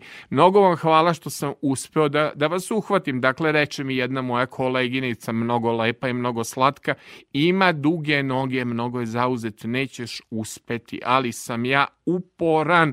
Jel tako, Filipe? U životu uspevaju uporni, a ne samo šarmantni lepi. Tako je, Aleksandre, hvala vama pre svega na pozivu. A, velika mi je čast i zadovoljstvo da smo a, pričali i da sam bio gost kod vas. Ja, ja moram da kažem da ću ja posvetiti ceo ovaj moj program vašoj muzici. Znači, hoću da kažem, e, jeste red priče, ali je neka i uređivačka politika. Saša, mnogo pričaš, pa na mnogo priče daj malo i lepe muzike, ali se trudi da umiksuješ da ljudi to slušaju, a ja ću inače voditi se vašom playlistom, pa će biti jedna vaša, jedna od Olivera Mandića, jedna od Ine Dvornika, jedna vaša, ili dobar, dobar miks, će biti dobar DJ. Evo, čekam Da, vas, da znači, kad bude bio neki koncert u Novom Sadu, čekam vas ovde, e, pokazat ću vam gde su dobri restorani, gde bi moglo da se svira, gde bi moglo da bude dobar provod i dobar DJ party. Dobro, vi nama dođite u Novi Sad i povedite obavezno drugaricu. Ako je u Beogradu. Hvala vam puno što smo se čuli. Za kraj, naravno, najavljujem um, moju sledeću gošću da čujemo, aktivirali su se ponovo, Marina se aktivirala ponovo u Rijeci, je brine tamo neke porodične brige. Denis i Denis, čuvaj se, čuvajte mi se Filipe dok se ne vidimo uživo, a bit će prilike, stižu festivali. Ja mislim da se vi i ja uživo vidimo pa i za jedno da. mesec i po dana, ali neću da vam kažem gde. Vidimo se na, M- u MTS dvorani. Evo ja pokušam da budem vidoviti Saša. Hvala vam puno, sve najbolje. Hvala vama, hvala te najbolje.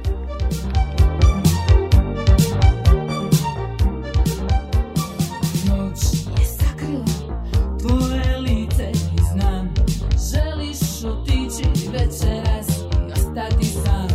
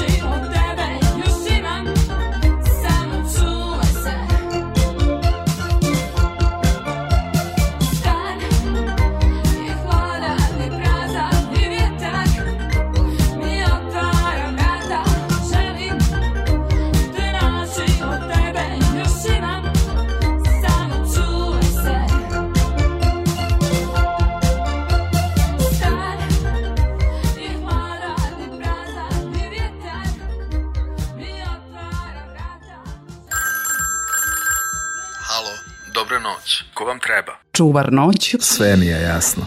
Samo za vas, Saša Filipović. I da vidimo da li je tu još jedan Saša. E, moj Saša, da li se čujemo? Čujemo se. Pošto, Bravo. poštovanje Saša, naš Saša, Saša, mogu li da pitam onom replikom koji iz filma Balkanski um, špijun, jel tako beše? Ne, Balkan Ekspres nije Balkanski Balkan špijun. Jeste vi muzičar? Da, da. A, muzičar, niste muzičar? A ne, ne, ne, ne. Bravo. Hoću, Jeste. hoću reći da, samo tepki lek da odnesem. Da, E, e, bravo, Saša. I Da li ste vi Saša ili ste Aleksandar? Pošto ste u suboti sa Sašom. Saš, e, talentovan muzičar, imali smo prilike eto da čujem neke od vaših e, kompozicija, ali ajmo za početak da, da objasnimo ovu vašu biografiju. A sada imamo jednog čoveka, možemo reći da ste vi po struci moj kolega, ali možemo reći da ste kolega. Možemo reći da na master studijama sam na Fakultetu za kulturu i medije, smer novinarstva. Smer novinarstvo. I um, muzika, otkud muzika? Završili Pa, ste srednju... moj život negde osmi razred sam bio kada sam dobio prvu gitaru. Odnosno sve je počelo još od četvrtog razreda kad sam imao prvu želju za klavijaturama, Dobro. ali pošto moji nisu imali dovoljno para u tom trenutku, klavijature su mi stigle dve godine kasnije, pa, me, pa mi je želja bila ubijena. Dobro. A recite mi, molim vas, zapravo ste i završili srednju muzičku školu, je li tako? Još sam, još, još sam u srednjoj muzičkoj školi, treća godina sam Treća. škole, solo pevanje. Dobro. I, e, vi ste meni dobro napisali, jer u opisu novinara je da brlja, iako ste vi to napisali CV za čistu desetku je prosto da... I sad mi recite, što sad, kakva, šta ste vi u horoskopu? Strelac. Recite mi, molim vas, kakva je to sad ličnost? Eto, novinarstvo, vidim, fakultet za kulturu i medije, solo pevanje, muzičar ste, komponujete. Šta sad hoćete na glumu? Hoćete glumite ovim To serijama? To mi je želja, to mi je želja od, od malih nogu da se bavim scenom uopšteno, scenskim pokretom, igrom, plesom i onda sam hteo da spojim sve, glumu, pevanje i da onako komponujem. Što bi se rekao. O, oćemo onda da krenemo na ples i strast, na primjer. Vi ste kanta autor, jel tako možemo Može, da da, kažemo? Ovaj, s- gde ljudi da vas prvo potraže? Ajmo to. Gde Na ćemo se YouTubeu. Dobro.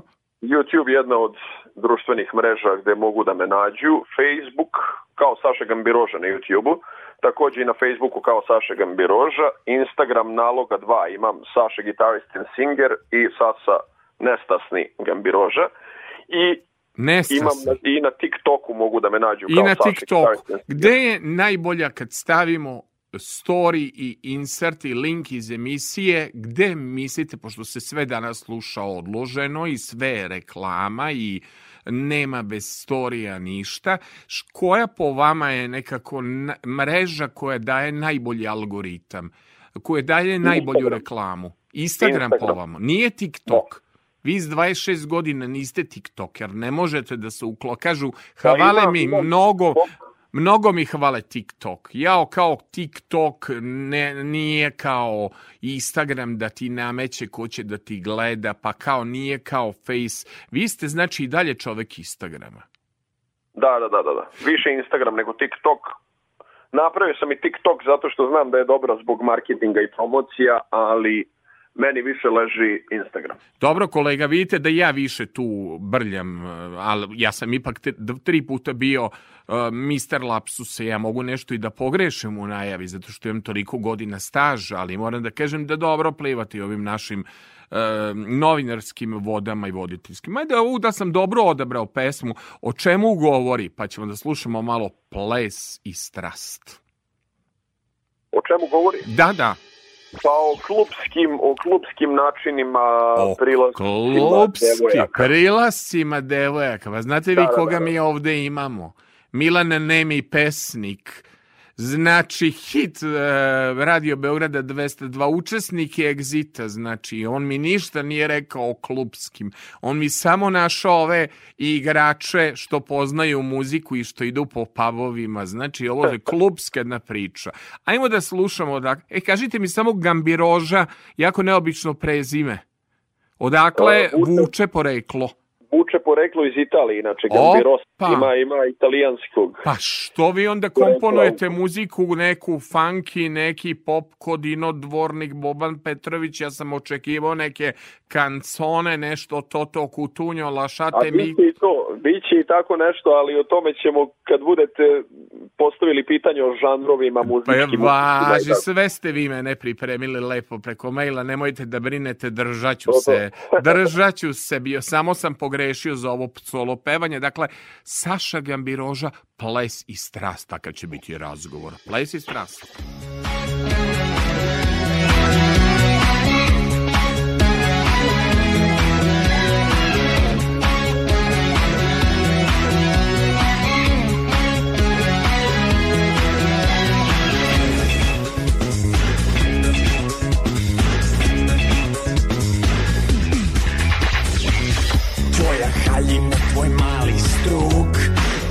je outfit noćni klub.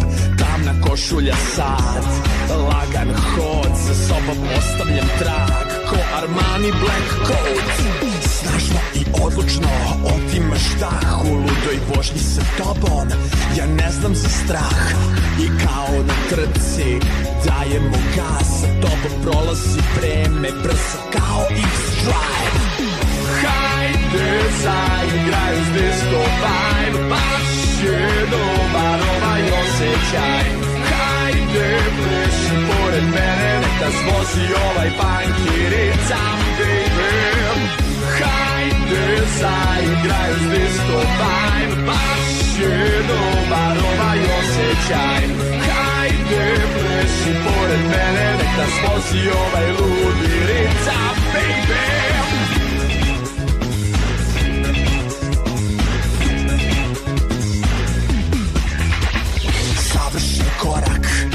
prijatan slajd Dok se spuštaš na mene Kao noć na gradu Meni luduje beat Iz grudi probija bas Partneri u zločinu Kao Bonnie and Clyde. Tvoji pokreti klize Niz vrelu noć. Polako i sigurno Preuzimaš moć. Lagano gubimo fokus. Topi se sve Pod tvojom košom je strast U tvojoj krvi je ples Hajde zaigraj uz disco vibe Baš je dobar ovaj osjećaj Hajde pleši pored mene Nek nas vozi ovaj funky ritam, baby Hajde, zaigraj uz disco vibe Baš je dobar ovaj osjećaj Hajde, pleši pored mene Nek nas vozi ovaj ludi ritam, A, u, pa ovo je Saša Disko, moram da kažem drugačiji je osjećaj kad sam slušao na telefonu, pa kad sam slušao na malim slušalicama, sada kada slušam na ovim našim velikim zvučnicima ovde u multimedijalnom studiju Mišelog, mogu da kažem da, da se vidi trud oko produkcije, da to zvuči, da ima nekog ritma. E, nije uopšte trendovska pesma, danas su sve pesme na isti e, fazon. Jako je malo pop muzike. Otkud to opredeljenje? Pa za pop muziku. Da, da. Pa odrastao sam na izvođačima poput Vladi Georgijeva, Zdravka Čolića, e, Dina Aviše Dvornika, ovde mi Dina je... Dvornika, John Mayera, Jasno. različitim žanrovima i u jednom trenutku sam se opredelio da to ipak bude više pop nego sa različitim podžanrovima. Ne, ja, ja ovaj, ka, kada da očekujemo album Godina bez ljubavi i koliko pesama ima? Uh, očekivać, uh, album Godine bez ljubavi može da se očekuje 2024. godine. Znači, Verovatno malte ne idete kao i ove pevačice najpopularnije singl po singl ploča. Danas se to tako radi. Prvo, Da, da, da. na, nakupi se dosta singlova, pa ide, da kažem, um, o ploči. Kažite mi, šta je za vas ljubav kroz tri reči? Ja malo skačem po pitanjima, ali takav sam. dobro, dobro. Poverenje, strpljenje i strajnost. Dobro. Šta je za vas umetnost? Za mene umetnost. E, Umetnost je za mene preživljavanje duše u trenutku kada si potpuno slab. Tada izlazi inspiracija i nadahnuće za neku novu pesmu, tada izlazi neka nova melodija koju osjećaš pa zalediš trenutak i emocije igraju naravno ključnu ulogu u svemu tome da nema, mora da ima energije i želje i tada dobijam umetnost. E, ja sad jedno pitanje koje mi niste To je moja definicija. Za koje mi niste ovaj e, kao kolega jel sugerisali e, da li gitara pomaže u zavodničkim osobinama koliko su muzičari popularni da nisu sad postale neke druge profesije popularne E, Bregović je rekao drugi- da, vi ste druge profesije što se tiče zavođenja dolaze do, do izražaja nego sama muzika. kakvo su, Ja bar mislim tako. kakva su bila iskustva sa snimanja spotova Jel bila nekih anegdota Anegdota nije bilo ništa posebno zanimljivih anegdota, ali iskustva od prvog spota, na primjer numere Tonem, do sad posljednjeg u, trenutno u ovom ciklusu Place i Strast. Smo snimili, čekam da snimam, gledam kako igraš, su bila sjajna, energija je bila dobra, snimao sam dva puta sa glumicom Tamarom Stanisavljev, numera Porazi i Ples i Strast, ona je profesionalna glumica, završila je taj fakultet. I u svakom slučaju lepa iskustva. A, dobro, koju slušamo, mislim da to kolega Zoltan zna, slušamo sad sledeću pesmu. Ovaj, da, a idemo da To čujemo. smo snimali spot na otprilike na minus 10. Na minus temperaturi. 10. Znači, Da. možemo vi- vidjeti i spot na I YouTube. drugarica je bila u haljini, onako jako lepoj Pa, haljini, ali, ali za, te, za to vreme i za tu temperaturu je baš bilo izazov. to je onda prava drugarica koja je spremna na toj temperaturi tako da e, se snima. Idemo dakle da čujemo malo Jeste. pesme, pa nastavljamo razgovor. Važi.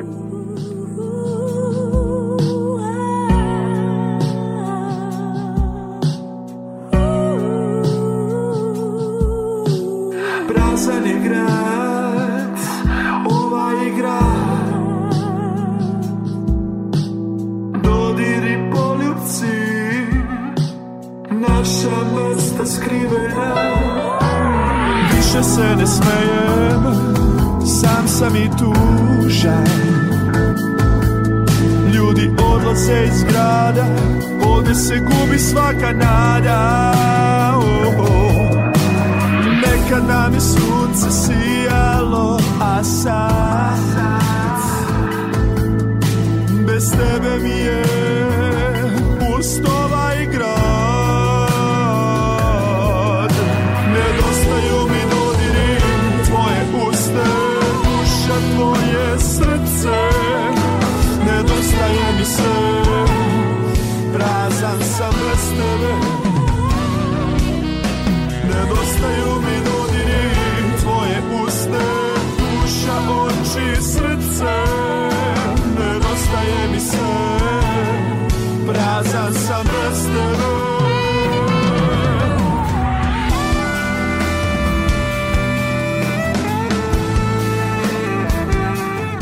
Au, koja solaža. Pa ko su članovi benda Saša Gambiroza i Nestašli Unplugged band? Saša Gambiroža i Nestašni Unplugged, Saša Gambiroža, Marko Jovišić, Dejan Nikolin.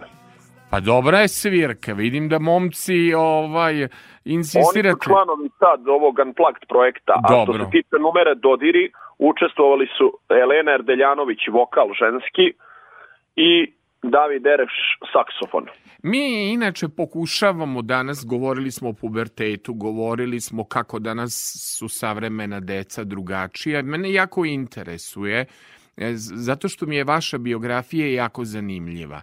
Da li čovek mora da bude svestran da bi se snašao u ovom novom vremenu? Eto, pokušao sam kroz vašu biografiju, ili kako se to popularno kaže, CV, da kažem em, da mnoge stvari radite iz ljubavi, eto, završili ste em, jedan e, fakultet, imate ambiciju da upišete nešto drugo. Kako se čovek pronalazi danas u ovom modernom vremenu? Kako vi pokušavate da pronađete sebe? Zašto idete na glumu? Da li ste procenili da možda novinarstvo u ovom momentu nije posao koji bi vas ispunio? Ili ćete možda biti i e, moj kolega?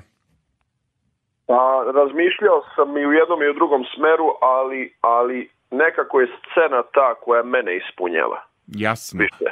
A kažite mi, e, e, da li se isplati? Vi, vi ste samo krenuli sa startom ipak da krenete jednu muziku koja nije u, u nekoj, jel, što bi rekli, komercijali. Pa mislim da se svaki radi trud u jednom trenutku isplati. Možda neće doći odmah na videlo, možda će trebati i godine i godine, ali mislim da na kraju ipak preovladava ta ljubav i da će uspeti da se ispuni. A kažete vi meni sad... Da, izvolite. Samog duhovnog e, uzdizanja i, i, i toga što ostavlja i ova muzika i, i kulturu i, i duhovno uzdizanje, tu sam uspeo, tu uspevam, prosto jednostavno da se snađem, ali što se tiče recimo novčane dobiti, to još uvek ne, ne uspevam, Ne, polako ali- pravim pesmu. Da, da, jasno. pesmu, pa ću vidjeti. Šta ćemo misliti sa vašim, um, da li ćete nekad biti novinar? S obzirom da ste ovaj, eto, i završili to i mislim da je zanimljivo to studirati. Šta vam je sad ambicija? Biti poznati muzičar, biti glumac ili biti e, novinar? Pa dobro, glumac nisam još to, ako upišem akademiju. to Dobro, ali sve, mnogi naši glumci su pokušali nekoliko puta akademiju, pa nisu Da. uvek, i- jel tako? Znate Tako te je, biografije? Stojković, e, Marko Nikolić, Tako je.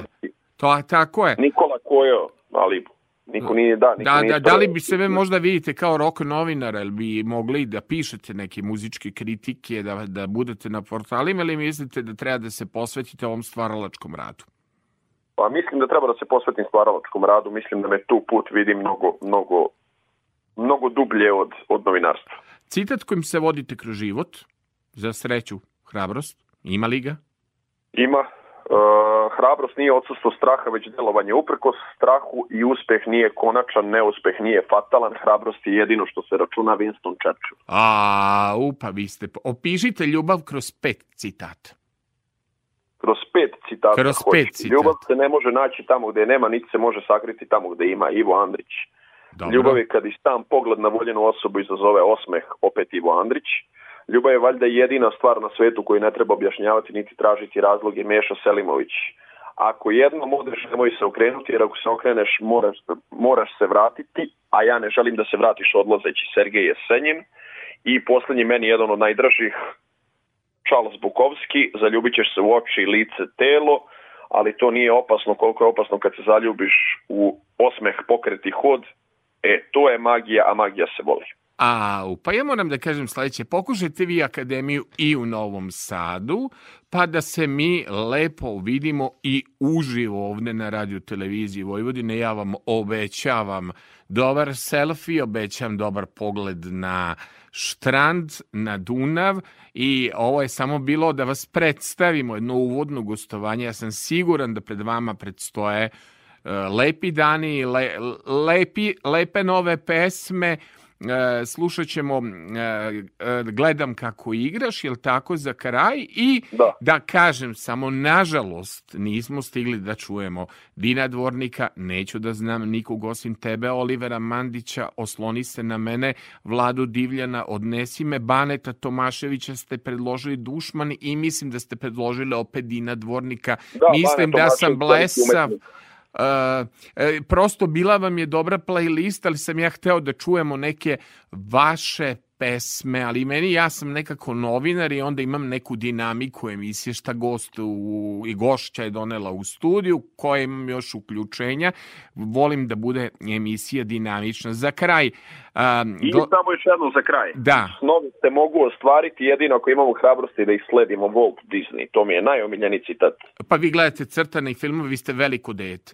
Mi smo danas pričali o toj velikoj deci. Jeste li vi veliko dete s 26 godina? Jel Jesam. gledate još uvek crtiće? Gledam. Dokle vas sam ja pubertet? u pubertetu, prošli, prošao sam super, Je. nisam Je, je, nikad ništa, ali sam, ali sam veliko dete, da. da, ste za ljubive prirode. Jesam, kako. Jeste li? Kako? Dobro, kažite mi onda, idemo na akademiju da pokušamo, već ste s citatima pokazali da možete, no, Beograd ili Novi Sad, ipak je Beograd bliže Pančevu ili tako, pretpos- pretpostavljam Beograd. Da, da, da. Dobro, ako vas budu zvali na neki radio da radite, zato što imate citate, bi radili na radiju. Pa Zazvoni bi. telefon, dobar dan, dobar dan, jeste vi Saša? Ili, uh, da li da spremate pesmu za Beogradsko proleće? O, imate tako To prezime. mi, to mi pre predstoji možda. Jel tako? Ja moram Pa- da čujem jednu šlagersku, nešto da bude kao Kemal Monteno. Možete vi to da napišete, Saša, recite mi. Pa možda i mogu. Jel možete? Jel sve Kemal mora... Još jedan, još jedan u nizu kant autora kog obožavam. Jel volite da, Dedića? Pored Montena, Balaševića, jel volite te kantautore? Da, da, da, da. da. Riblju čorbu, pretpostavljam, volite Boru Đorđevića. Volim, volim i Olivera Dragojevića kao A, kant I Olivera Mandića, ja mislim da ste vi ipak neki funky pop igrač. Jesam ja u pravu. Nego volao bi da vas vidim u jednoj ljubavnoj pesmi, da toj voljenoj ženi posvetite jedan šlager italijanskog tipa za neki festival pred nama. Eto, moje je samo da vam dam ideju, a vi razmislite. Hvala vam, Saša, što ste se uključili u moj program. Kao što vidite, Hvala vama ja sam imao više treme nego vi. Mi smo se jako lepo pripremali, što kroz razgovor, što kroz e, mailove. Mm, Vidite, znamo svi iz novinarstva da je priprema osnova svakog dobrog zanata. A i pored pripreme čovek zabrlja. Na kraju ja imao više lapsusa nego vi koji ste mislili da ćete imati tremu. Priznajte da sam ja trema eliminator čovek. Ja sam trema eliminator. Yes, A vi vršnjak tabloid. Da. Upamtite ovo ime Saša Gambiroža, zapratite ga na društvenim mrežama. Jako mi je žao što nije došao ovaj, ovde da se slikamo. Doneo bi mi sigurno dosta novih pratiteljki, ali Saša, bit će prilike. Hvala vam e, što ste si pored obaveza uključili ovaj naš program i za kraj slušamo e, Gledam kako igraš. Jel tako, Saša? Tako je. Doviđenja, sve najbolje i držimo fige da pripremite ovu baladu za neki festival. Važi, hvala. Sve najbolje, Doviđenja. doviđenja.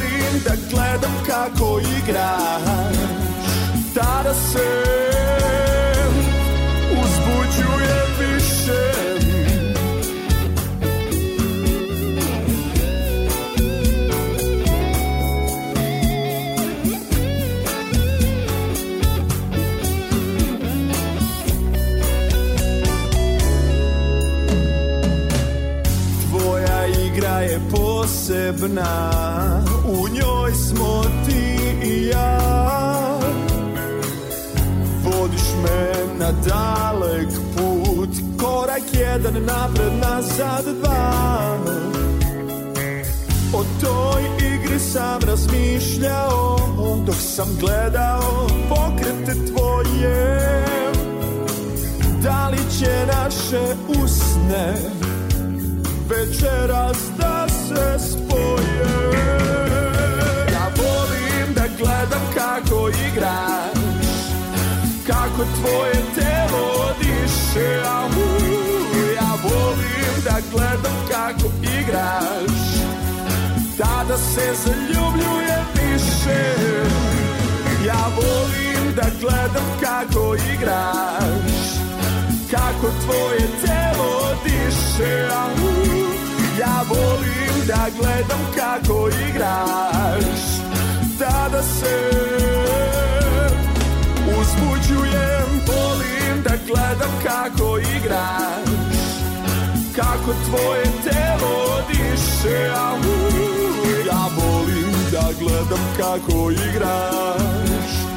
Tada se zaljubljujem više Ja volim da gledam kako igraš Kako tvoje telo riše Au, Ja volim da gledam kako igraš Tada se uzbuđuje više Čuvar noći. U noći kada nedelja postaje ponedeljak. Prva dva sata radne sedmice.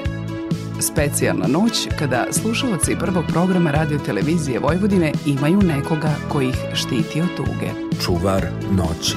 Uvek u interesantnom društvu. Uz zanimljive informacije. S naglaskom na njemu svojstvenu muziku. Čuvar noći. Vaš Aleksandar Saša Filipović. Čuvar noći. I ovo je bila dakle jedna jako lepa i odabrana ekipa sigurnom rukom naše Violete Marković sam vođen da mnogo ne galamim u mikrofon pa sam se trudio da budem miran i onako da moje divne slušateljke i slušalce ne iritiram nego da lepo uživaju divnim, divnim zvucima jedne pop, rock i soul muzike. Zorna Đaković Zorna, hvala ti ovaj, za kafu. Zorna Đaković, moja organizatorka noćnog programa, uvek se brine da dođem na vreme, da popijem a, lepu domaću kafu, može i čaja, ne ljutim se iako je kapućino. Urednik noćnog programa Radio Novog Sada je Đorđe Pastornački i urednica prvog programa Radio Novog Sada, odgovorna urednica prvog programa Radio Novog Sada je Milada Popović. Ja sam vaš čuvar noći i odmah da vas pozovem da slušate moj drugi format a, koji je subotom sa Sašom. A, ovo noćno je onako baš za noć. Divna, funky soul muzika, a boga mi kad je subota sa Sašom u pitanju tu padne i koreografija i bude uvek nekih veselih tonova. Naravno, možete me i zapratiti na mom Instagram profilu Aleksandar Filipović NS, profil je dakle zaključan, moram prvo da proverim ko to kuca na profil i isto tako imate i Aleksandar Filipović Facebook stranicu i moj YouTube kanal. Dakle, radio koji se gleda, radio koji se širi putem društvenih mreža i narodni radio, radio koji si išao u narod, a mislim da statistički gledano taj narod su svi omladinci i omladinki koji su odrasli uz neke moje lepe televizijske emisije, a i publika mi je verna i ova u nekim najboljim godinama plus minus 20 godina. Dakle, ne gledamo ljude kroz godine, nego gledamo kakvu muziku slušaju i da li im prija ovaj radio kao nekad. Ja sam Aleksandar Saša Filipović i čujemo se već sledećeg čuvara noći uživo i slušajte naravno subotu za Sašu. Šta ne, ne čujete, postoji jedna fantastična stvar, a to je naš sajt www.rtv.rs gde na odloženom slušanju možete slušati i noćnog čuvara ili čuvara noći i subotu sa Sašom. Doviđenja. Čuvar noći. U noći kada nedelja postaje ponedeljak. Prva dva sata radne sedmice. Specijalna noć kada slušalci prvog programa radio televizije Vojvodine imaju nekoga koji ih štiti od tuge. Čuvar noći. Uvek u interesantnom društvu. Uz zanimljive informacije. S naglaskom na njemu svojstvenu muziku. Čuvar noći. Vaš Aleksandar Saša Filipović. Čuvar noći.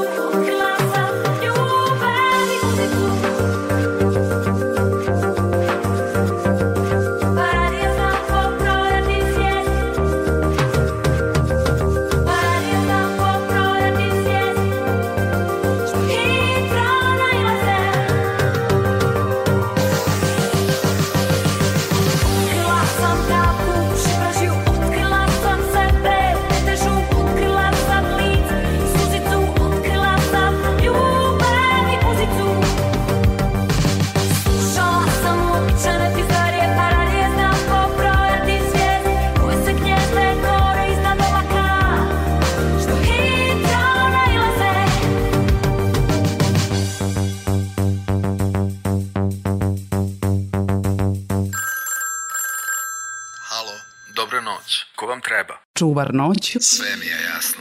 Samo za vas. Čuvar noći. u noći kada nedelja postaje ponedeljak, uvek u interesantnom društvu, uz zanimljive informacije, s naglaskom na njemu svojstvenu muziku. Čuvar noći. Vaš Aleksandar Saša Filipović. Čuvar noći. Čuvar noći.